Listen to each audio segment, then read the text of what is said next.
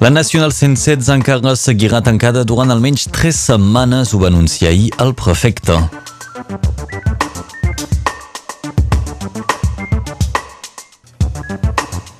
Avui us fem descobrir un projecte, es diu CatCar, projecte que vol fer conèixer el món carolingi i això a través d'un projecte transfronterer del qual parlarem amb la Laura Bertran.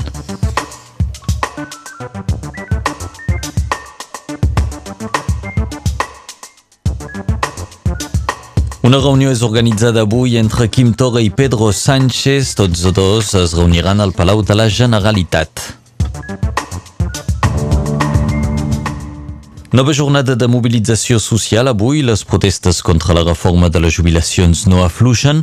La intersindical, formada per la CGT, FO, la FSU i Solidera, ha convocat una nova mm, manifestació avui.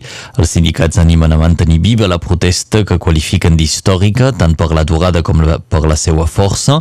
Aquesta mobilització iniciada fa dos mesos coneixerà avui una nova acció amb una manifestació convocada a les 10 i mitja del matí davant la vella estació de trens de Perpinyà. La Nacional 116 serà tancada durant encara almenys tres setmanes. Aquesta és la principal informació que va fer pública ahir el prefecte durant una conferència de premsa per informar de la situació. Segons les autoritats, els moviments de terreny van ser deguts al desbordament d'un canal d'irrigació per damunt de la 116. Les aigues van provocar una esllavissada que va acabar trencant asfalt de la carretera. De moment el terreny encara és molt inestable.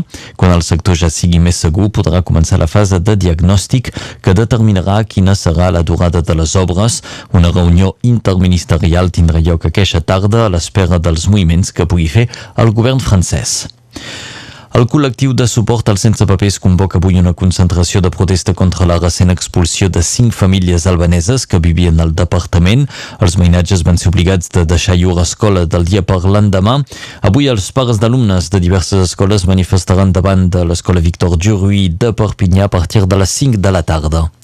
I avui, com cada dijous, el Comitè de Solidaritat Catalana us convoca per una nova concentració de solidaritat amb els presos i exiliats al peu del Castellet. Serà la vintena hora solidària que s'organitza a Catalunya Nord. L'acte començarà a les sis i mitja de la tarda. I avui comença a Perpinyà el 35è Fòrum dels Estudis Superiors i dels Mestiers. Els estudis de terminal, els estudiants, perdó, de terminal de primera o de segona són concernits per accedir a formacions diverses i trobar ajuda per qüestions d'orientació. Una cita que arriba just en el moment quan els estudiants han de, de triar fins a 10 desitjos de formacions per l'any escolar següent. Aquest Fòrum dels Estudis Superiors i dels Mestiers acull una cinquantena de pagades que representen fins a 13 sectors professionals diferents. El fòrum serà obert avui fins a les 5 de la tarda al Palau de les Exposicions de Perpinyà.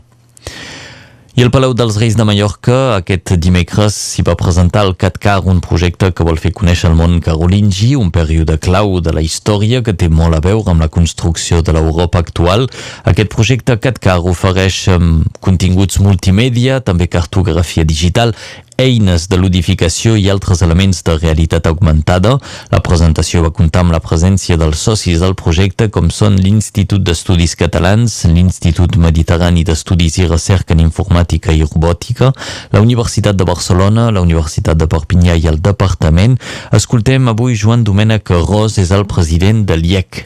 L'IEC és cap de fila d'un projecte que enguany complirà 100 anys. És a dir, fa 100 anys que Ramon de Badal va començar la Catalunya Carolíngia, que era posar eh, en solfa els documents que es van anar trobant sobre aquella època eh, històrica. S'ha treballat moltíssim i eh, fa tot just un parell d'anys es va veure que aquesta quantitat enorme de documents eh, molt antics, molt interessants, que havien estat estudiats, que segueixen sent estudiats, estaria molt bé de poder-los posar a disposició d'un públic general, tant d'experts de l'altra part del món, per dir-ho així, que poguessin accedir-hi, com del públic en general. I aquesta va ser l'idea bàsica. CatCar és la digitalització i la posada eh, en consulta de manera fàcil de tots els documents de Catalunya Carolíngia.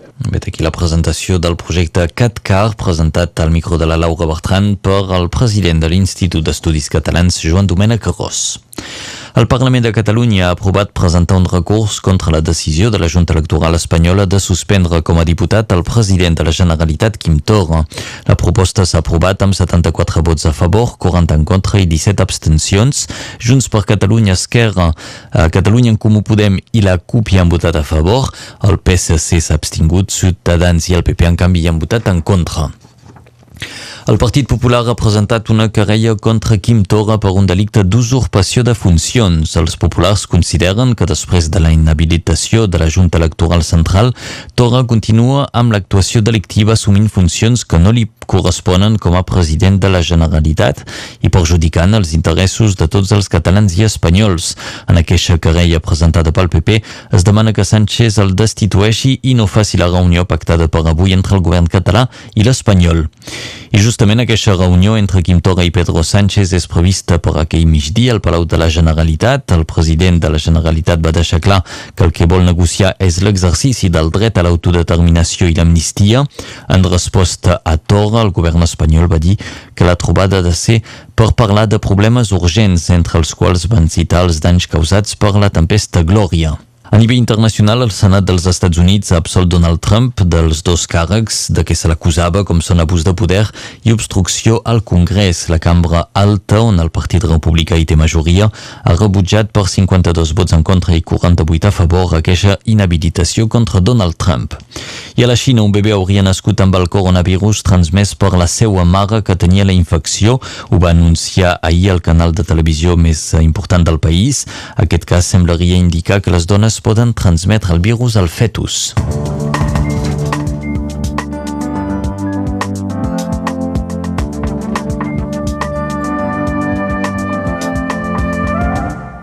Passem ara a la informació del temps amb la Laura Bertran.